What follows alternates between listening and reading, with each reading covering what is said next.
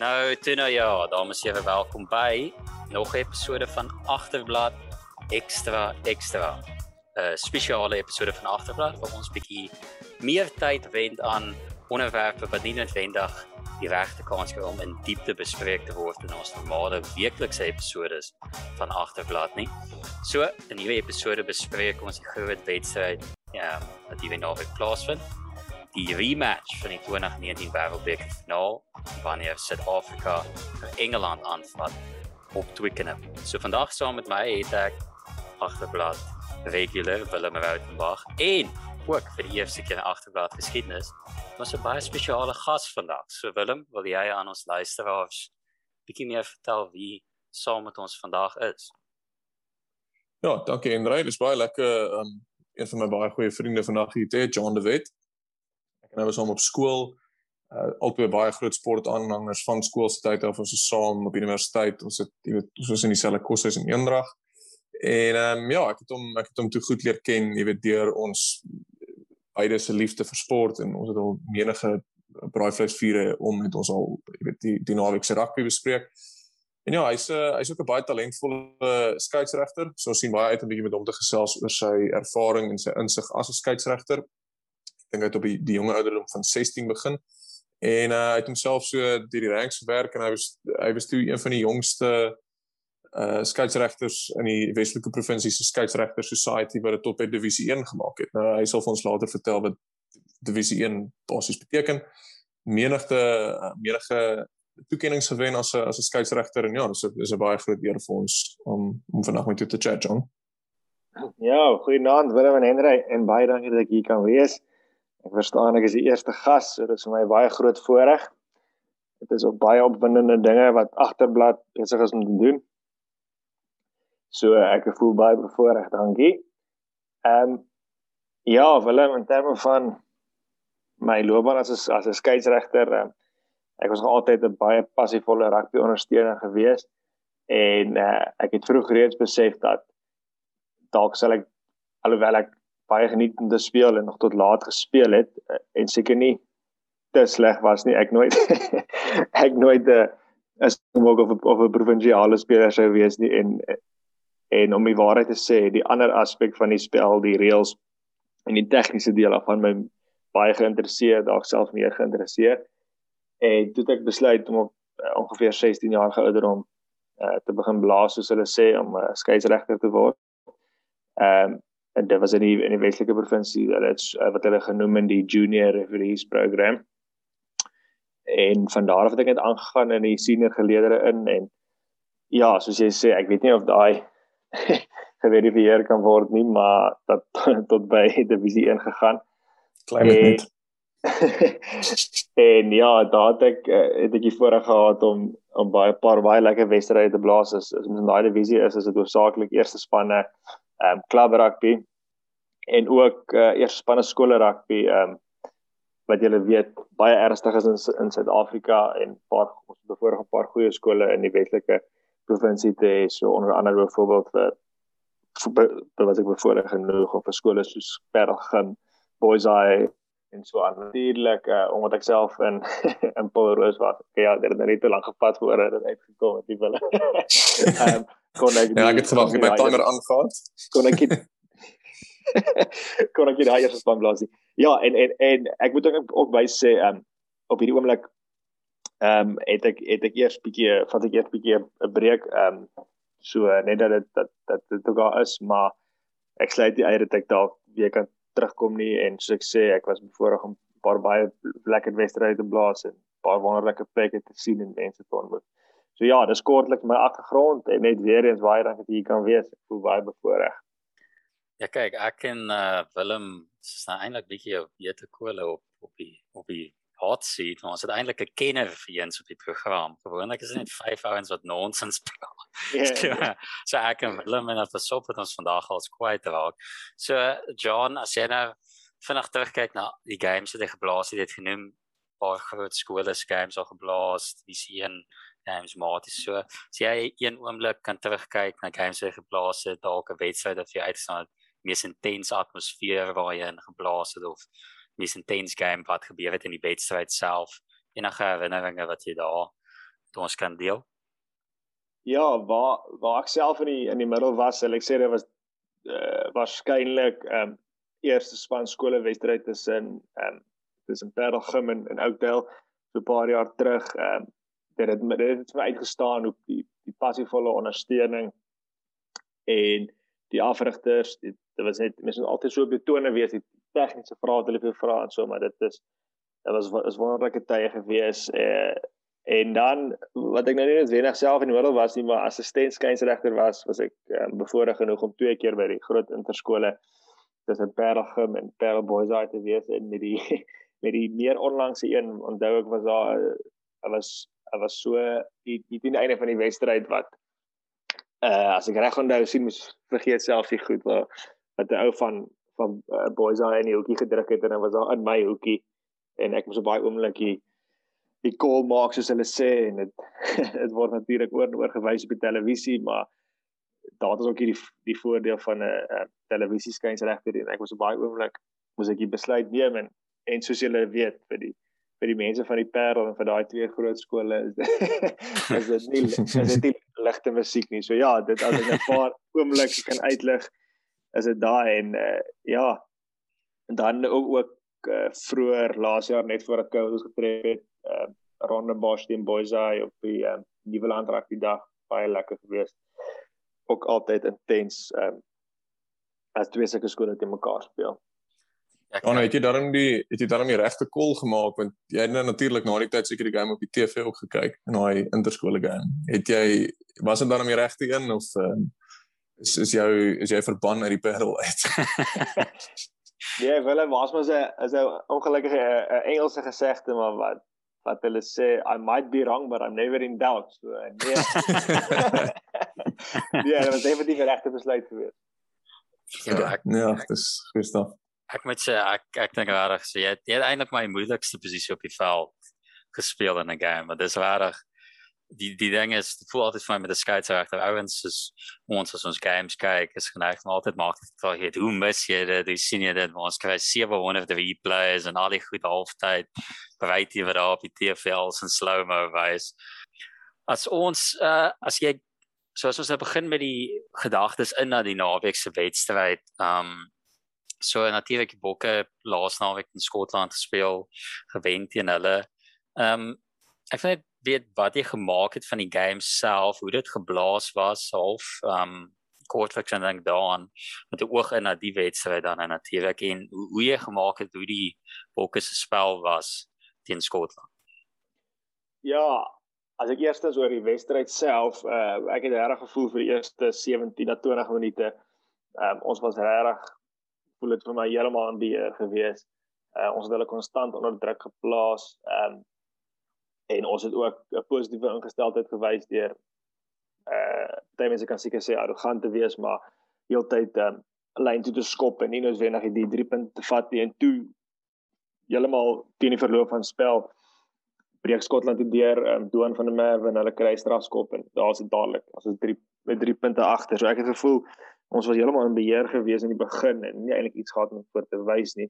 Maar op die ou einde het daai konstante druk maar volgens my gewys uh in die einde van die eerste helfte en in die tweede helfte met ons plaasvervanger bank wat ook maar net dink ek baie sterker as Skot as Skotland se was. Ehm uh, so ja, om op te som dink ek daai druk regtig begin wys en wat ons toe toegelaat het om die ou en heel gerieflik te wen. Ehm um, en in terme van die skynsregter ja ek dink ehm um, Suid-Afrikaners sal altyd maar miskien maar bekommerd wees as uh, as uh, as 'n skynsregter blaas wat al in die verlede eh, 'n bietjie kontroversieel was wat nou wel die geval was met Angus Gardner. Ehm uh, maar ek het gevoel dit was veral in die eerste deel van die eerste helfte ek gevoel ons het hom baie goed bestuur. Uh om die waarheid te sê was Skotland nogal in in daai stadium heeltemal aan die verkeerde kant van die van die uh, skynsregter gewees. Uh, hy het hulle nogal swaar gestraf, so ek het gevoel ons het redelik goed gedissiplineer gewees en ons het daarvoor beloning gekry. Later in die wedstryd uh, het ons miskien bietjie miskien bietjie los geraak en was ons nie meer so gedissiplineer gewees nie, maar ja, oor die oor die algemeen dink ek uh, ek dink hy's 'n goeie skynsregter en ek dink hy was goed gewees ehm uh, laas naweek. Ja, Ek dink baie baie mense kyk na daai wedstryd en elke strafskop wat ons kry stem hulle heeltemal saam. Hulle sê ja, nee 100%, jy weet die ou het nie gerol nie, never released of, of wat ook al die geval mag wees. Maar elke strafskop wat ons afstaan, word al 600 keer na gekyk. Veral ek onthou in die einde van die eerste helfte was daar twee strafskoppe, een wat Etzebeth afgegee het en een wat Vincent Koch afgegee het. Uh waar Gardner gesê het hulle het hulle hande, jy weet op die grond gesit verder as die bal en toe nou teruggekom om basies te jackals soos hulle dit noem. Ja. Ehm um, en ek dink dalk ek dink dit was dalk miskien bietjie aan die harsh kant. Ja. Is nie noodwendig oortuig of dit ek dink nie noodwendig dat dit reg nie, maar ek dink ook nie noodwendig dat dit heeltemal verkeerd nie. Ek dink met enige refereeing besluit soos jy ook nou self sal weet, is daar ja, maar altyd 'n grys area. Ja, veral by die afbreekpunte. Ek kan nie dink dit is 'n maklike ding om te ref nie. Dit is ook seker die een ding ek, ek praat net maar net uit ek wat 'n sport aanhanger is. Dis die een ding wat amper elke skeieregter amper 'n tipe van 'n ander approach het waar ehm um, jy praat gewoonlik oor skeieregter maar hoe hoe ref hy die breakdown? Dit is gewoonlik waar jy praat as jy praat oor Gardner of Luke Pierce of jy weet Wayne Barnes of wie ook al wie ook al dit mag wees. So as ons dan nou van van Gardner afskuif na die referee wat wat nou komende naweek plaas wat wat nou referee is wat wat ons nou nie noodwendig almal jy weet so goed ken nie uh, Andy Bryce ek dink hy's 'n uur as ek reg is. Ehm um, kan jy dalk vir ons 'n bietjie ja, insig gee? Ja, so half 'n uur. O, okay. 50-50 is fine. ja, um, ja, hy's hy dalk ehm um, hy's dalk vir party mense 'n bietjie ehm um, onbekend, maar ek eh, ek sal vir ja, vir 'n geruime tyd volg uh, was ek is al bewus van hom. Dit is nou maar die geval as mense in die uh, skeieregter ehm um, kringe beweeg en dan praat mense mos nou oor die algemeen meer oor skeieregters en so aan. En ja, as ek nou as ek nou sê hy's so half en half 'n uur, hy's eintlik 'n Walliser en met Wallis se agtergrond so dat een keer interessant was dit nogal een was sy eerste toetse was nogal kontroversieel want toe was hy aangestel vir 'n 'n wedstryd waarin Wallis gespeel het as en uh, en toe die mense gesê maar of wel wêreld rugby kon hom aanstel want hy's nou was nou 'n uur so hy's neutraal. Maar eintlik ehm um, het mense gevoel uh, daai daai Wallis se bloed van hom sal sal deurkom maar nee dis op 'n op 'n ligter noot maar hy hy's hy's hy's eintlik al lank betrokke uh, voor die name verander het met die Pro 14 en Noordelike Halfrond en hy het goeie opgang gemaak en al paar groot wedstryde geblaas in die in die Heineken en die Challenge Cup en in die Champions Cup. En veral hy het nou ook al 'n paar ses nasies wedstryde en laas jaar was hy ehm um, daar was nog toe die rugby gespeel was voor leë stadions hy ehm um, ek dink as ek nou reg onthou was dit die Autumn uh, Nations Cup of soos was hy nou gewees toe hy in die die finaal in aanhalingstekens geblaas in Frankryk en in Engeland. Ehm um, en ja, so toe was hy bietjie het hy het hy bietjie kritiek gevat van die Franse publiek oor sy hantering van die wedstryd maar om op te som, hy uh hy het dalk nog nie so baie ervaring in terme van jare nie of in, selfs in toetse wat wel geblaas het nie en hy het nog net vir ons een keer geblaas vroeër jaar in Argentinië, maar ek dink hy's 'n baie goeie skynsregter en hy het nog 'n lang loopbaan voor hom. Hy's of hy's nog jonk, hy's ongeveer 33 dink ek. So dis my opsom om my gedagtes oor hom. Ek wil aan vir vra ook. Ek ons hoor dit altyd. Voel vir my is een van my goed vat analiste baie keer net noem met die aanname dat almal weet waarvan hulle praat. Dit sê net van jy weet wat in die noorde hulle blaas die game anderste jy weet hulle blaas dit anderste afbreekpunte ons het baie gesien met die vir al die clubs in die nuwe UFC Jake White het daar baie oor gepraat sê Afrikaanse spanne met half gewoond raak aan hoe die game geblaas word in vergelyking hoe dit plaaslik hier byvoorbeeld in die Karibeker uh, geblaas word. So ek wou eintlik weer is hoekom hoekom sê hulle dit? Wat wat dink jy of wat is eintlik die die die manier hoe dit anderste geblaas word die hoofgoed wat anderste is wanneer suidelike half van spanne na die noorde toe gaan Ja, dis 'n interessante idee. Ek het eintlik al baie daar gedink en met mense daar gepraat. Ehm um, ek dink uh, veral toe ons wat deel van die van die super rugby en so in die suidelike halfrond is dit baie keer voel dit vir my uh, meer 'n fokus op ehm uh, maar soos hulle sê laat die laat die wedstryd vloei, laat die ouens speel. Kyk so ver as moontlik uh om net die die die die die goed wat 'n werklike invloed op die wedstryd het uh, die oortredings, oortredings net te blaas en verder te probeer vloei so ver as moontlik. Ehm uh, waar by die noordelike halfrond ehm um, omdat omdat die wedstryd oor die algemeen meer stadiger is as gevolg van die velde en die weersomstandighede, is daar baie meer 'n groot fokus op die afbreekpunte en op die vaste fasette en ek dink dan met die gevolg dat die skeieregters baie meer streng is in daai dele van die van die wedstryd omdat dit so groot invloed het. So om jou vraag te beantwoord, ek dink is dit is maar net 'n geval van baie meer op die letter van die van die reël ehm um, wat die wat die nou wat die noordelike half van ons skeieregters blaas en en dis hoekom ek soos jy sê hoekom ons miskien tydjie sukkel om aan te pas van dit is dit is definitief nie ehm um, die skeieregters is nie verkeerd of iets dit is maar net 'n ander interpretasie en en is alles nog steeds volgens die reëls is maar net hoe dit geïnterpreteer word en en wat hulle as beskou as om invloed te hê en wat nodig is om om te straf wat dalk bietjie strenger is daar in die noordelike halfrond.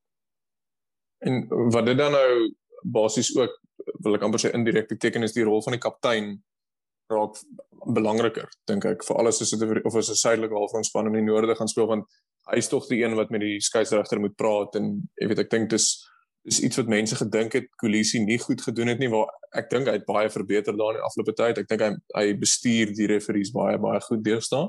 Ja. Ehm um, en okay, so as ons nou as ons nou sê Andy, jy weet, hy's 'n noordelike halfrondref uit groot geword in of Ierland of alles as wie weet. Maar so ons kan verwag dan nou die naweek teen Engeland dat daar ook 'n redelike fokus gaan wees, jy weet op die afbreekpunte en ehm um, jy weet met dit in gedagte, hoe hoe of wat is jou eerste gedagtes oor die oor die wedstryd Saterdag? Hoe dink jy, jy weet, waarna is iets waarna ons kan kyk? Jy weet, hoe dink jy gaan die Springbokke miskien aanpas teenoor miskien hulle vorige paar wedstryde? Ehm um, ja, hoe wat wat is jou eerste gedagtes rondom dit?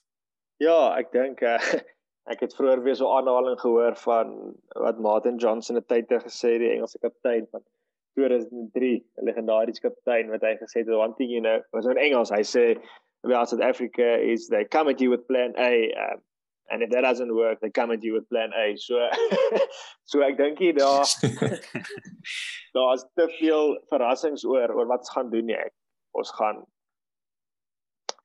die ons gaan fokus op die vaste fasette, scrums, lynstane, natuurlik ons verdediging onder Jacques Ninaar wat nou regtig gefestig is. En en daai en daai daai boksies ek bedoel mense kan nou maar sê wat hulle wil maar dit werk vir ons dit is effektief.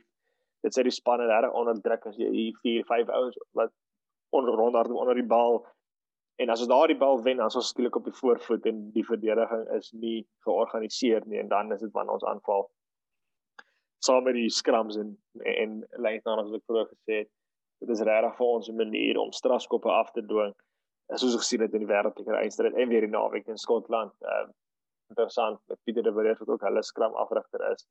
Wat ek dink dalk dit dit sal dalk bietjie taai wees maar ons het regtig hulle uitoorde in die in die skram. So om die vraag te antwoord, ek dink nie ons het te veel te wonder oor hoe ons gaan speel nie.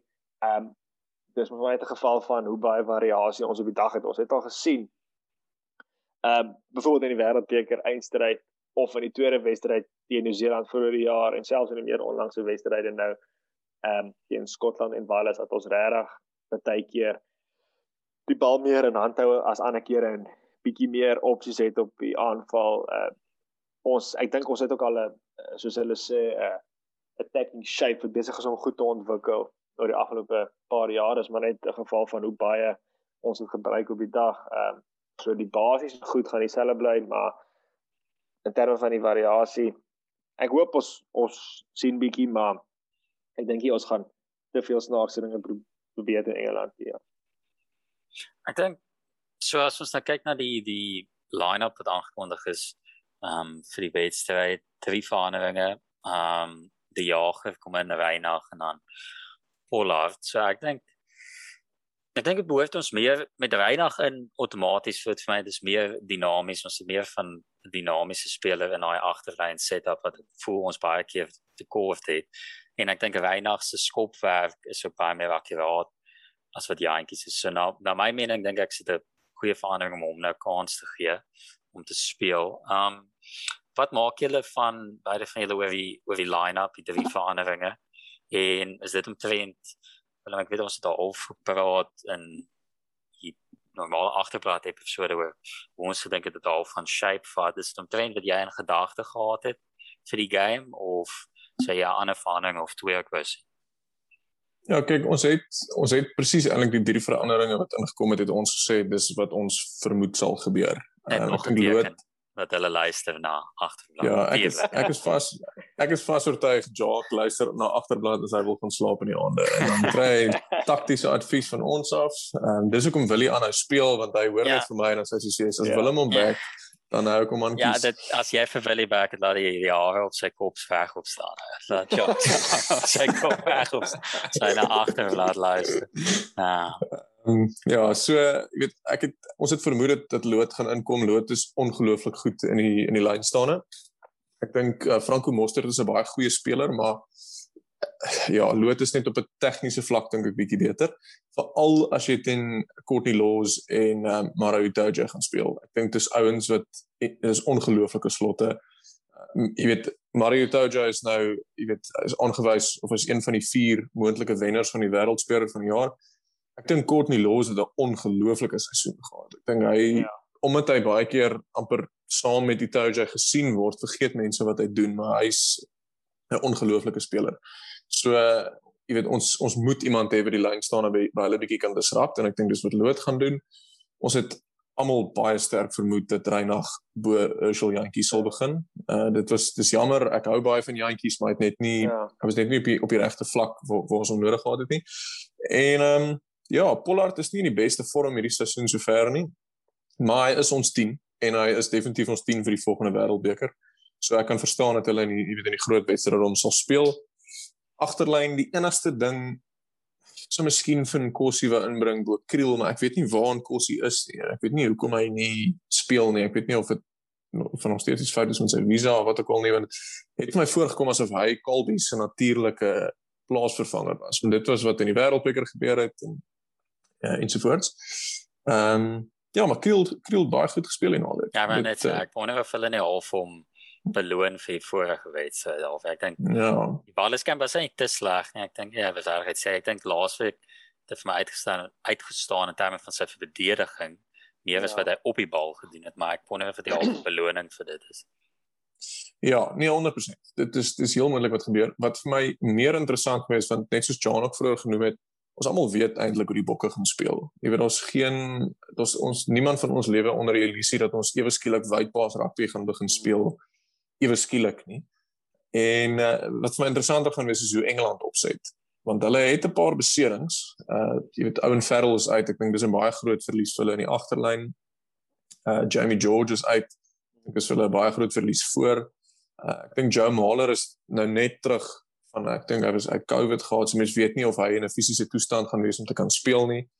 So die skrams gaan baie interessant wees. Uh jy weet Matt Proudfoot is daar so hy kan heel moontlik ja. uh vir vir hulle 'n bietjie jy weet insight gee in wat ons doen in ons skram. En ehm um, ja, ek dit ek wil amper eers oor voor hy praat en so of hoe ons dit dalk gaan doen want in die agterlyn is dit weer vir my heeltemal 'n ander gesprek met hoe met hoe Marcus Smith gaan speel en ek wil net nou gesels oor net 'n ja 'n parallel tussen hom en Quade Cooper en wat Quade Cooper baie goed gedoen het in ons. Ehm um, en ons ons kan nou nou daar gesels met John Simmega wat wat dink jy die, van jy weet van die van die die voorspelers en en ons pak teen hulle pak. Uh, met Proudfoot waar is jy weet Engeland het 'n sterk pak en ehm um, maar hulle hulle mis op manne. Jy weet verwag jy dat soos die die wêreldbeker finaal dat ons net deurlig gaan skram elke keer of dink jy dit gaan dalk met praat vir daag en hulle sal 'n plan hier en daar om ons te stop? En kan ons gestop word? Dis seker die grootste vraag.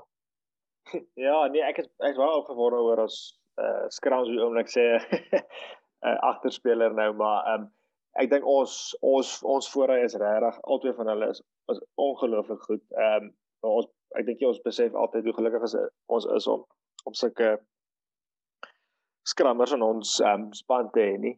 Ehm um, wat en en wat ook op die op die bank kan hê wat wat net weer kan opkom nie. Ehm um, maar om jou vraag te antwoord, ek dink jy ons gaan hulle domineer soos ons Skotland gedomineer het of selfs soos wat ons hulle gedomineer het ehm um, ehm um, in die wêreldbeker eindstryd nie. Ek dink eh uh, met praat vir daai hy voel dalk hy definitief 'n punt om te bewys en dieselfde met die met die Engelse uh, spelers self. Ek dink hulle het vergeet wat gebeur het die en hulle sê nie geniet dit hoe ons nou hierdie afgelope 2 jaar uh oor oor daai oorwinning gevier het en vir al die scrums dink ek is iets wat hulle seer gemaak het. So ek ek glo ons ehm um, ons sal sterker as hulle wees in daai in daai faset van die van die wedstryd, maar ek dink jy ons gaan hulle domineer soos wat ons Skotland gedomineer het. Om ja. ja. Okay, ons moet ook net noem vir die luisteraars ten tye van hierdie opname het Engeland nog nie hulle span aangekondig nie. So ons ons moet maar spekuleer, maar ons neem maar aan daar sekere keuses gaan wees weet want met hulle beserings en die ervaring wat daar is. Uh jy weet glo ons dat hulle op 'n sekere manier sal speel.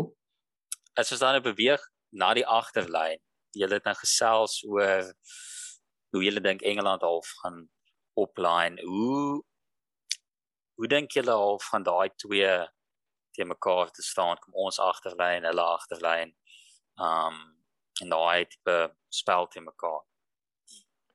Ja ek ek moet sê ek het 'n paar jaar terug my bedenkinge gehad oor uh, oor Marcus Smith maar hy het my verkeerd bewys met die laaste ag die laaste seisoen of twee by alle koens die ander ding van hom is hy het net ongelooflike selfvertroue so hy het byvoorbeeld voor die Australiese se game gesê maar wel I'm going to run them to shreds. En hy daai tipe hy daai tipe selfvertroue wil hom vroeër die vergelyking tref met Quade Cooper. En ek dink vir hom mense interessant genoeg gesien dat al was ou en Ferrell van hier in naweek 12 het hy nog steeds baie kere ingetree as die eerste ontvanger ehm uh, Bo Smith waar ek dink nou dat dat Ferrell nie gaan speel nie en en Smith die 10 gaan wees gaan hy en die uh, waarskynlik ook die stelskopper gaan wees gaan hy regtig ek dink hy gaan alles binne hom daai geleentheid wil aangryp en vir die mense verkeerd bewys.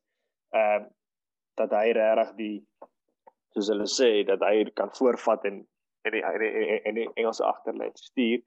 Ek dink ook as jy as jy vir ons as jy ons goeie verdediging ehm um, wil soos penetreer dan sal jy ek dink in geval dis nie eintlik moontlik nie. Al hulle dit gaan doen en hulle waarskynlik verby ons gaan kom is is aan die buitekante omdat omdat ons so uh van die buitekante af toemaak met ons vleuels of wie ook al hier speler op daai oomblik aan die buitekant is gaan hulle iets moet doen soos wat Vinder Rasse gedoen het byvoorbeeld met die um cross kick wat wat die crowd daar op daai oomblik al verdink het half amper begin lag het en gedink het maar wat doen hy maar dit is al hoe jy deur ons ons verdediging kan kom en en Marcus Smith is die ou wat so iets sal kan doen. En dan skielik is ons miskien agter en dan kan ons nie daai wedstryd speel wat ons 3, 6, 9 punte die Engelse versmoor. Ja, so dan kan dit interessant wees. So kortliks dink ek hy kan dalk 'n verskil maak net daai bietjie iets iets anders vir die vir die Engelse bied om aan die buitekant verby ons te kom. Ek weet nie wat, wat dink julle nie. Ek wou net op op in nooit van die Finn Russell kraas kyk. Ek ek was een van hulle wat gesien het en gedink het, ek weet nie mooi wat die man probeer nie, want dit is nie soos hy uh, in vergelyking met Barrett se kyk in Ierland of se kans dink so half by die eerste helfte waar hy een oor gesit het, toe hulle gestop net op die lyn. Um as ek nou reg onthou. Ja. Syne is so mooi, voel vir my hy kry perfek reg wat vorentoe genoeg gaan. Hy sop dit half in daai danger zone en waar jy ou nie weet ek moet ek kom moet ek gaan en dan sit die contest daai wat voel vir my Finn ja. Russellson was amper soos 'n die pass skop oor na die ja. vleuel en ek ek weet nie mens kan ook eintlik veel op verlaag want hulle hulle 1-3 het eintlik half die week van dit afgekom. Um ja, dit sou interessant wees ja. om te sien of of Engeland die die finishers op die vleuel het om eintlik gebruik te maak om dit wyd te vat of jy dink byvoorbeeld so by wat ons nou byvoorbeeld ons het gesien in ons game as dit jy weet vinnige balbesit kry kry by vleuel uit en toe natuurlik maar Pimpie wat beide drie gefinish het vinnig aan het deur en toe na hom. Of jy dink Engeland die noodwendig die dinamiese soos ek sê al finishers het om gebruik te maak van daai gaping wat ons dalk bied.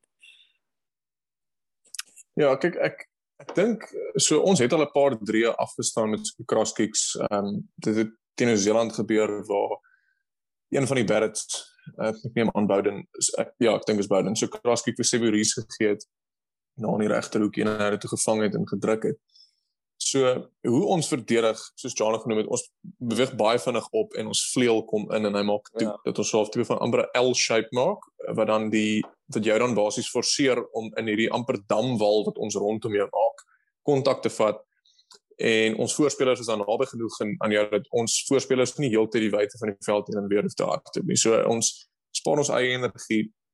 Ons maak seker ons, jy weet, kom vinnig by hulle uit sodat hulle nie veel meters maak nie. Dit beteken ons voorspelers kan heeltyd vorentoe beweeg van een rak na die volgende een toe. Ek dink waar ons regtig sukkel is as ons voorspelers agtertoe moet gaan. Wat teen Australië baie gebeur het vir twee redes glo ek. Een is so Quade Cooper wat hy regtig goed gedoen het al drie redes eintlik. Is hy hy het ons heeltyd aan die raai gehou. Heeltyd dan skop hy jy weet dan speel hy vinnig of dan skop hy 'n chippy net deur. Die, waar die chippy land is eintlik irrelevant want wat dit basies doen is dit beteken ons agterlyn is heeltyd so van weet ons kan nie heeltemal commit nie want as ja. ons heeltemal commit sit hy net agter ons en ons ons het hierdie groot gap hier agter. So ons kon nie lekker rush nie. Die tweede ding wat hy gedoen het wat baie goed was wat ek dink Marcus Smith sover nog ook baie goed kan doen is hy het sy pas baie delay en dis 'n baie riskante sof move om te maak want as jy as jy dit met 'n halwe sekonde mis gaan ewen Etsebet jou ribbekas vir jou breek. Ja. Maar ehm ja, wat gedoen het daai een keer? Ja, nee, ek dink Finn Russell se ribbes is nog steeds blou na daai een hit wat Eben vir hom te gee. Wel, um, welke wat al weggekry het. Ek moet sê, as jy baie dis seker maar net Finn Russell. ja. Nee, maar anders wat dit sou kan doen. Ja, maar maar wat Quade basies dan nou gedoen het is hy hou die bal baie lank, amper tot ons hele defense klaar geras het en hy staan ons stil en hy weet dus eintlik lekker wat aangaan nie en dan gee hy die bal jy weet agterom amper vir 'n Karevi of 'n wie ook al. Dan is ons hele verdediging is staties en dis presies waar ons nie wil wees nie. Ons wil aan die beweeg bly. En dan 'n uh, ander ding wat hulle ook gedoen het is hulle het daai amper waar ons agterlyn en ons vleuel, daai waar die twee punte bymekaar ja. kom is daar 'n klein gap en hulle het ongelooflik baie die bal tot wyd gegee en dan vinnig terug ingegee vir Corbetty of 'n Karevi, jy weet sterk hardlopers wat die bal vat en dan 'n paar meter maak. Ja, ons tackle hulle, maar ons voorspelers moet nou teruggaan en hulle voorspelers kan vorentoe gaan. En as ek 'n klein goedjies wat ek dink Engeland ook gaan probeer doen, veral met Tuolagi. Ek alhoewel hy 14 gespeel het, het hy baie so van die center channels gehardloop ook in Australië. So ek vermoed dis heel moontlik wat hulle gaan probeer doen. Uh ja. en ek dink ek dink Marcus Smith is die regte ou daarvoor of hy gaan jy weet met sy minder ervaring of hy dit gaan regkry is 'n ander vraag. Ja, so dit, hulle het vir Marcus Smith wat wat daai bietjie spasie aan die buitekant kan benut. En die ander ding, ek dink jy het ook vinnig genoem wat Australië en Engeland ook het, is dat hulle het wel vir twee linies van aanval. Dit is altyd 'n opsie agter die ou se rug. Ehm um, paar opsies vir wie om die bal uh, te gee en, en te gebruik wat ook al die spesifieke situasie op daai stadium verlang en dit is ook iets wat wat natuurlik baie baie baie moeilik is om om te verdedig. So ek het baie respek vir Eddie Jones as ek dink hy's hy's ongelooflik skerp. Ehm um, en dis hoekom ek maar bietjie senuweeagtig is vir die naweek. Ehm um, ek dink ons is op 'n baie goeie voet op die oomblik, maar maar Engeland eh uh, veral met die as mens nou in ag neem wat hulle regtig gedink ek hulle voel hulle het 'n punt om te bewys. Dit te same met Eddie Jones, te same met die spelers, te same met Twickenham. Ja, ek ek voel al sien weer agter vir die wedstryd. Kyk, ek dink jy dat julle wat nou neem oor Ebens uit en van der Russell ek ek wonder nogal ook as ons vinnig dink aan die mental kant van dit ook. Ek wonder of hulle nie hom dalk bietjie gaan uitbyt as sien tussen hom en die Toje en die in die reeks teen die Lions. Want Engeland het ook nou al okay, ja, hulle het twee wenner agter die rug teen Tonga en teen Australië, maar beide daai wedstryde het ek vir Tonga het sover kon dat twee spelers afgestuur gehad. En laasweek Australië het ook in 'n part die game nog redelik nou was ook 'n speler verloor na geel kaart. So ek dink dissipline gewys gaan baie belangrik wees vir ons en ek dink every ek kies ek Engeland sien en dink ek van hulle spelers het half bietjie coaching by sokkerspanne ook om bietjie sekere situasies te melk. Ehm um, seker te maak jy weet sien dit dink ek is 'n mooi manier van dit van dit stel. Ja, dit voel dit voel definitief so baie keer. Ehm um, dan ehm um, ek ek dink dit gaan daai wedstryd dis tot later en dit bring dan natuurlik die die bankie in hy spel die ouens vir ons af van die bank af bring. ek ek wil by jou dis nou al 'n debat wat baie ouens het en op agterblad het ons nou al probeer sin maak van. So John, dalk het jy 'n 'n verduideliking vir die vraag. Waarom vervang ons ons voorry elke keer net op halftyd in plaas van om halftyd die verandering te maak? Het jy dalk 'n idee, jou teorie agter hoekom ons dit doen? Want laasweek dit raak al hoe meer belaglik. Dit uh, gewoonlik was 39ste minuut. Laasweek was dit na 40 minute. Ek dink in die game is dit dalk 'n kans dat die ouens gaan afstap vir halftyd dan gaan die ander ouens lank op die veld gaan staan of in die switch mekaar vervang. So het jy ja, dalk 'n teorie vir hoekom dit gebeur? Ek ek dink die belangrikste is ehm um, ek sal nou by die teorie kom, maar ek dink aan die ouens wat afgaan besef dis niks persoonliks die in hulle. Mm, mm, ja, nee. Ja. ek dink hulle ek dink hulle beplan dit vooraf uh, soos ek dink uh, Bongie en Ox Trevor weet hulle waarskynlik die beste vooruit die wêreld op die oomblik. Nee, so ek het 'n bietjie daaroor gedink en ek wonder of dit nie 'n geval is van mense baie vir altyd is mense geneig om 'n klein bietjie laks te wees en net dit vinnig agter die rug wil kry en in te gaan en te gaan ry. En op daai oomblik is mense baie soort van vatbaar om 'n om 'n strafskop af te staan of om 'n hoop om as ons daar 'n fout afdwing, ehm uh, dit dalk sou lei tot 'n skram of 'n strafskop of as dit lei tot 'n skram dat daai skram dan tot 'n strafskop sou lei ja. omdat ons so dominant was, dan skop ons die bal as ons skielik in hulle halfgebied die opsie vir 'n rommelbeweging, nog 'n strafskop en dan 3 punte. Dis al wat ek is al wat ek kan dink. Uh net om hulle dalk en dan miskien net die soort van die soort van die verrassingselement. So ek sê Skotland gedink dit gaan net ons gaan dit gou die helfte ons gaan dit gou die helfte afsluit. En skielik sien hulle hier kom. Intimiderende drie manne. Ja. Dit probeer in 'n vars spoor hy op, ja. Iemand iemand het nou daarvan gesê dat Malcolm Marx lyk net soos 'n man wat kwaad is vir die lewe. Elke keer as hy op die veld. hy lyk like, ja. hy lyk regtig intimiderend. Dit is so 'n man op jou as af van die bank afkom. En dan nog 'n vraag ek net het vir ouens af van die bank lank gesogte droom hier op agterblad Willem ry die propaganda trein kampanje of dit ek dink Jacques se uh sending van agterblad sny elke keer net uit as hy dit hoor want dit tot dusver nog nie gebeur nie. Die idee van half 'n double pivot um Alton uh op te bring en um, dan vir Pollard na center te skuif, Alton dan op 10 te speel. My ek weet jy of jy verby las jou idee rondom daai hoekom hoekom jy dink dit 'n goeie idee is en dan John, kan jy dalk sê wat jy dink van die idee? Ja, ek, ek ek hou van die idee van 'n double pivot want dit gee vir jou 'n bietjie meer verskeidenheid van hoe jy kan speel. Ons het dit gesien teen Nieu-Seeland, uh en daai drie wat maar Pimpie gedruk het in die hoek in die tweede toets waar ek dink dit was die tweede toets. Ja, dit was die tweede toets. En waar Elton opgekom het en Pollard toe op 12 gaan speel het. En wat toe gebeur het is Pollard en en Elton was albei in die lyn, maar die die verdediging van Nieu-Seeland kon nie regtig commit tot een of die ander nie want hulle het nie presies geweet waartoe dit gaan nie. Toe skiep hulle vir Pollard reguit na Jantjies toe en hy versprei dit vinnig na Mapimpi toe en hy druk in die hoek. Ek dink ook as jy byvoorbeeld 'n skram in die middel van die veld het, jy het verskeidenheid van opsies ehm um, waarna jy kan gaan sonder om regtig die wil ek amper sê die kwaliteit van jou verspreiding te verlaag. So ek hou baie van die idee. Dit pas ongelukkig nie in Jacques se stelsel in van soos 'n marauding nommer 12 wat oor die oor die gain line gekom elke keer en wat jou regtig kan help by die afbreekpunte nie. Maar ek dink definitief dis 'n interessante opsie vir die laaste 10 of 15 minute as ons byvoorbeeld 15 punte agter is. As ons bietjie iets vreemds moet probeer. Pollard hardloop mooi lyne. Hy jy weet hy kom altyd voor as hy kontak vat. Ehm um, baie meer as Elton. So uh, jy weet ek ek hou meer van Pollard op 12 en Elton op 10. Maar ja, dis net ek hou van die idee van 'n bietjie iets anders. Dit ehm um, dis dis basies my eintlik waarop my my opinie is om eerlik te wees. Ja, ek stem saam.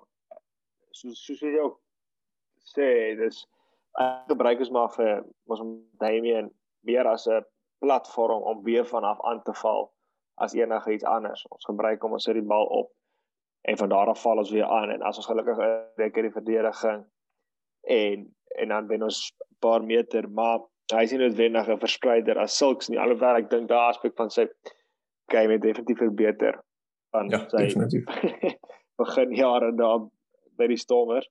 Ehm um, Maar ek ek, ek stem saam met jou. Ek dink vir daai laaste paar minute as die verdediging gewoond is aan 'n sekere patroon uh of of of dalk selfs reg uit is op hulle voete, dan bring jy net hierdie ander element wat dalk soos jy sê as agter is dalk net daai spark kan veroorsaak of as ons voor is net 'n finale spyker in die in die doods kan wees. So ek dink dit is 'n lekker opsie vir daai laaste paar minute.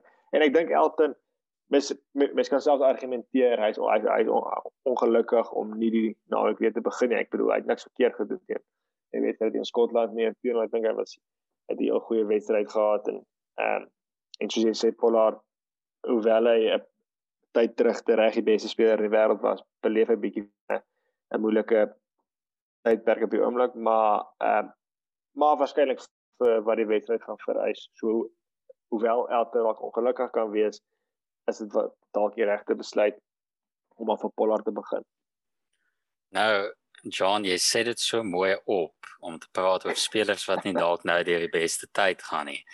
En hier kom ons by die werklikse debat op agterblad by die Leroux. En elke week op agterblad is al 'n debat oor sy rol in die span, hoe belangrik hy is, al daai tipe goed. En veral die week was dit nou weer vir my groot kollig op te plaas.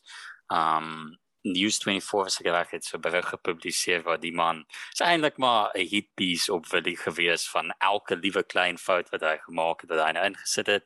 En toe in die week het hy ook sy verdedigers aan die een kant gehad het wat basies soos 'n soccer montage highlight klip van passes van Willie opgesit het en al daai tipe goed. So ek wil net jou gedagtes rondom die Willie debat hey I guess as mens dit so kan stel en wat jy dink hy na die span toe bring en waar dink jy lê die die waarheid van die debat is iewers in die middel van hy is 'n uitstekende speler wat van kardinale belang is vir Springbokke of gewoonlik die ander kant kry om nou die span uit hy is vir swakpunte in die span. Waar iewers in daai spectrum lady die ware assessment oor wil dink jy? Ja, waarskynlik uh, in die middel of selfs meer na die kant toe van uit vir ons baie baie waardevol.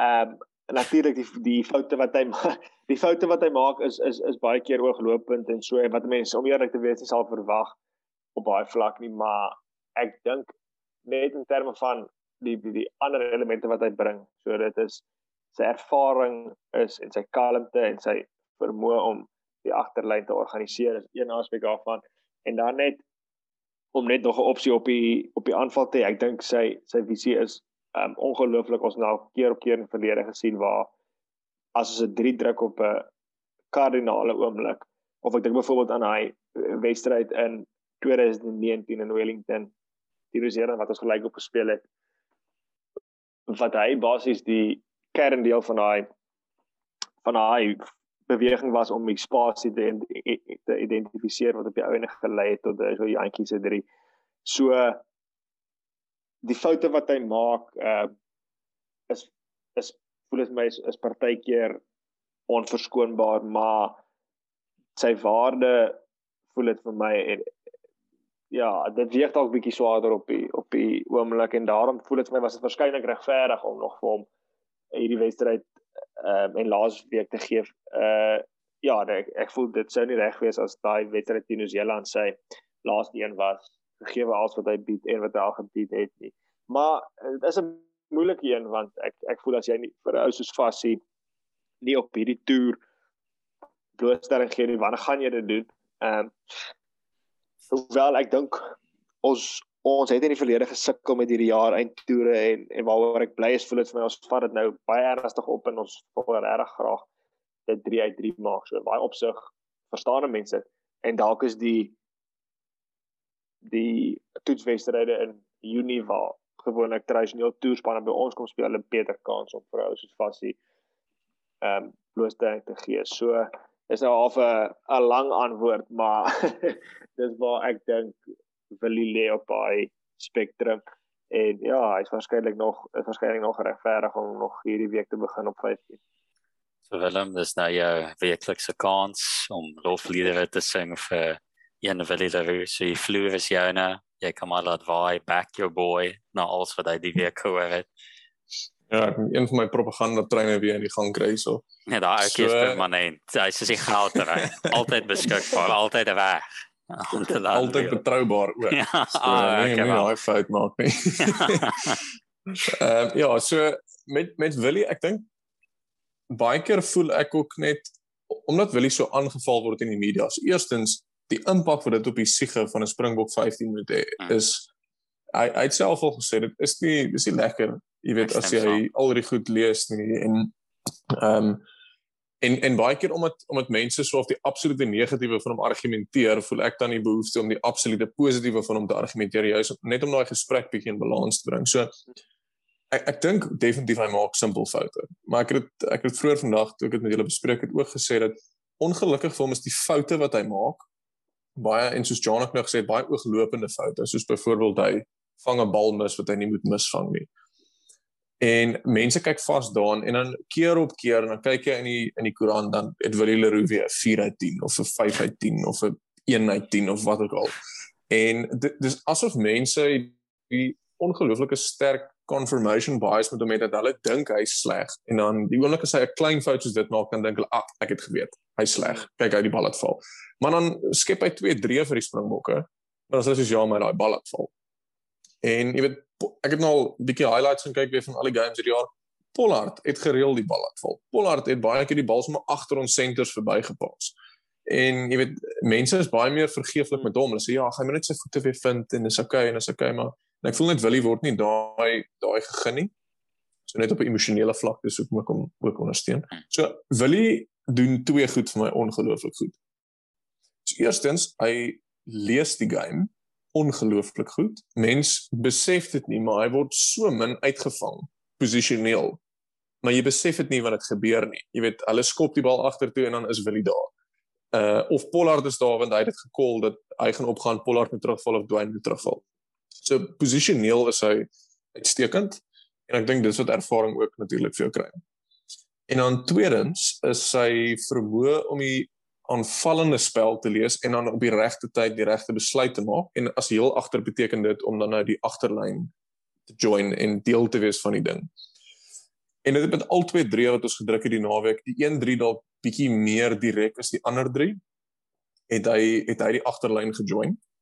En die die belangrike ding wat hy gedoen het is nie noodwendig die pas wat hy gegee het nie want almal jy weet dan sê almal ja, kyk kyk hoe hy gepas het. Dit is soos ja, maar enigiemand kan daai pas maak. En dan ek stem saam, enigiemand kan.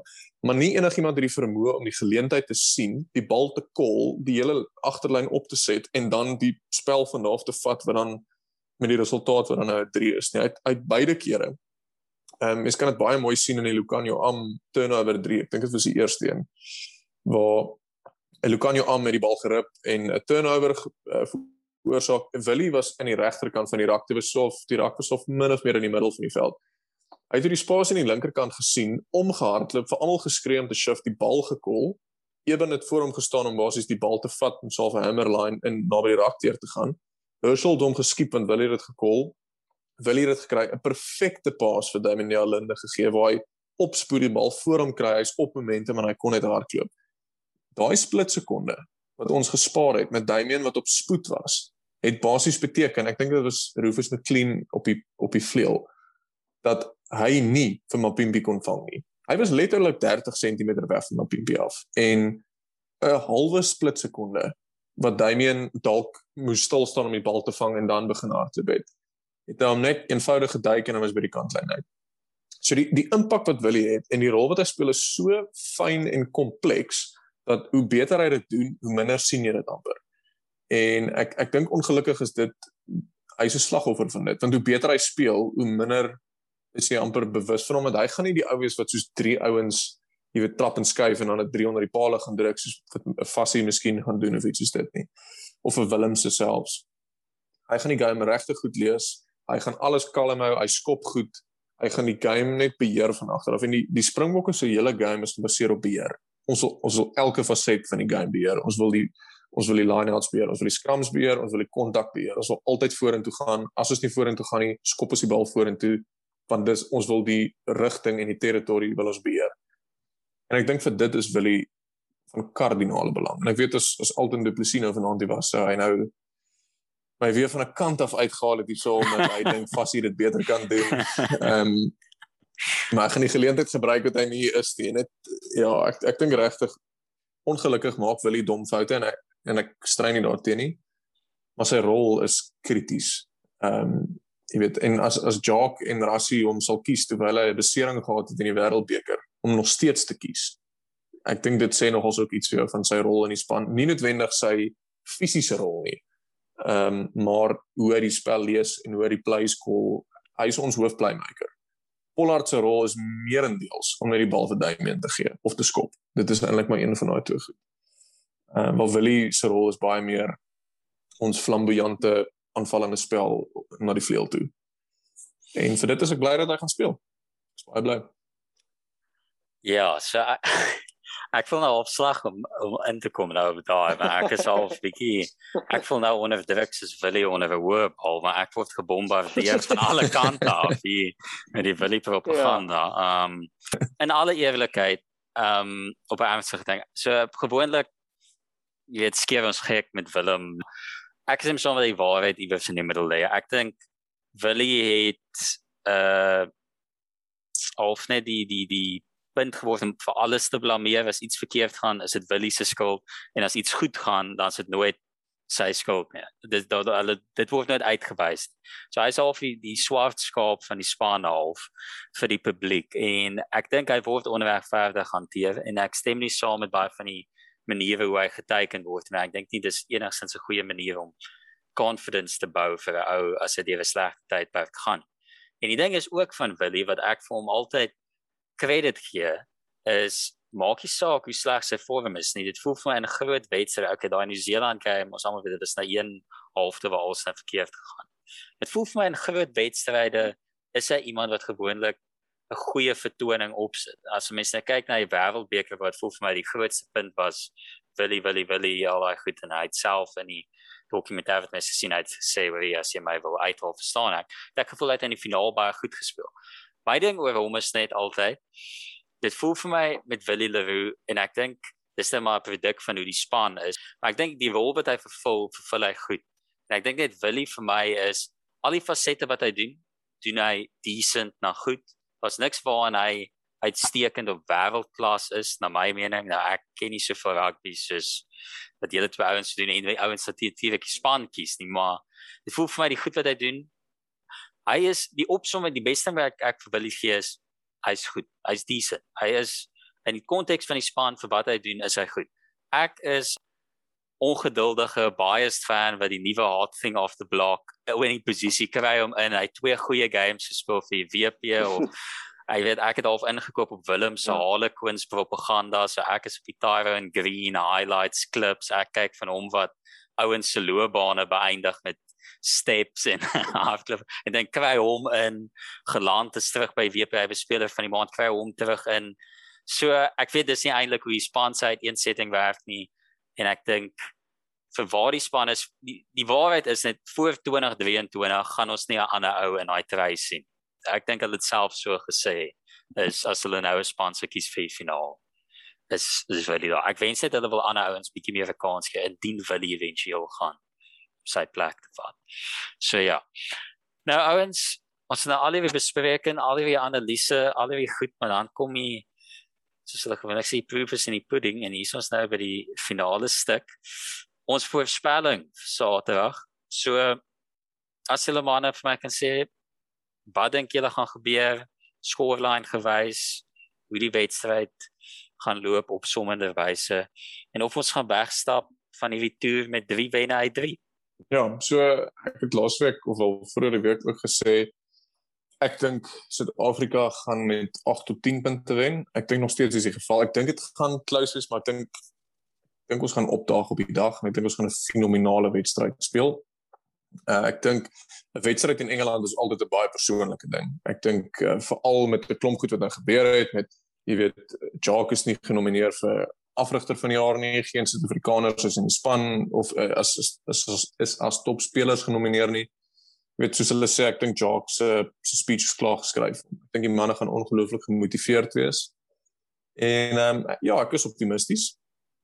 ek dink ook met Engeland wat iemand soos Ferrell mis wat 'n kritiese rol speel in 'n groot deel van hoe hulle speel, dink ek gaan moeilik wees en ek dink daar is 'n groot kans dat Marcus Smith net nie afkom soos wat hy noodwendig vir Harlequins afkom nie.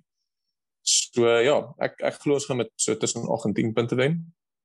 En ek ja, ek kan regtig nie wag vir dit. Dis dis nou jammer want dit is ons laaste wedstryd tot ek dink ons spesifiek eers in Junie weer toets. En dit dit bring nou of dit bring nou so 'n seisoen tot 'n einde waar ons seker ja, ons het seker 12, 13 toetse gespeel in seker omtrent 18, 19 weke. So dis nou dis nou jammer dat dit verby is en ek dink ons manne gaan gaan alles gee vir nog een keer. So ja, is baie positief. Ja, ek ek hoop regtig ons ons kan dit die naweek deurtrek. Ehm um, veral omdat dit Engeland is, maar ook omdat ons soos ek vroeër gesê het, tradisioneel regtig sukkel op hierdie jaar eindtoere.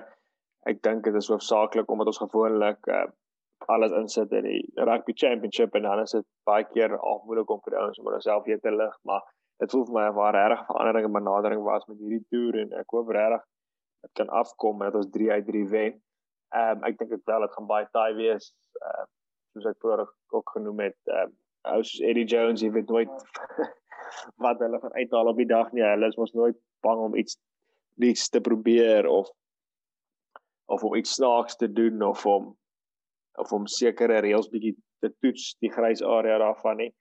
Ehm um, so ek dink hulle gaan definitief reg wees vir ons, maar dan soos wat Willem gesê het, ek ek glo as dit baie uh om voor te speel uh soos wat Willem genoem het oor die nominasies wat nie na ons toe gegaan het nie met die rassiese uitspraak wat nog al lyk my hulle gaan appeleer so dis nog nie finaal nie maar ek dink al daai goed as mens dit saam tel saam met die feit dat ons op Twickenham speel uh So hoewel dit taai gaan wees, dink ek ons sal wen met so 6 punte. En net op daai Twickenham punt, ek dink die Skaars is so uitgehonger vir uh om weer te gaan terug te gaan stadions toe. Selfs laas naweek teen ehm uh, die Australië het die kommentator gesê dat dit al die atmosfeer van 'n wêreldbeker eindstryd. So dan wil ek weet hoe dit gaan klink as as ons daar speel vir al ons mense in ag neem dat ons het wel teen hulle uh op 2 November 2019 in 'n wêreldbeker eindstryd gespeel nie. dink hulle het 'n punt om te bewys. Ja, so ek sê dit maar hopelik soos wat die bokke gaan maak, 3 uit 3 maak. Ek dink ons gaan vat, ek dink al die omstandighede rondom dit. Ek dink net om Britse rugby skrywers, jy weet, die Sir Clive Woodward van die lots. Net kwaad in 'n kerfsfees Steve dink ek behoort ons dit weer te vat. Ek hoop ons doen al die goed wat hulle oor gekla tot die maksimum. So ek wil die bal permanent in die lug sien ek wil basies verrasie met die waterkan basies saam met Willie op heel agter hê. Ek hoop ons gaan alles alles tot die maksimum vat. Maar ek dink ek sê self te lyn as jy ek dink ons vat dit met 7. Ek weet nie of ek was lus om vir 'n 32-12 of 'n 15-60 gaan vir 'n regte throwback nommer maar ek dink dit behoort iewers aan in die middel van daai twee te wees.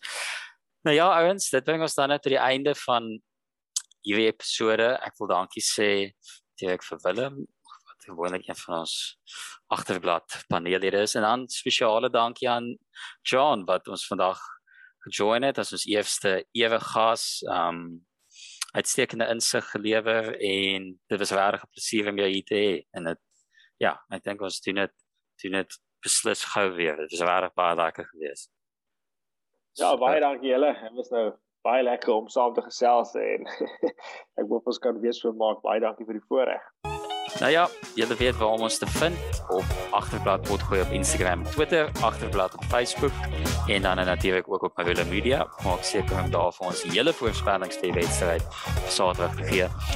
En dan nou tot volgende keer sê ons totsiens.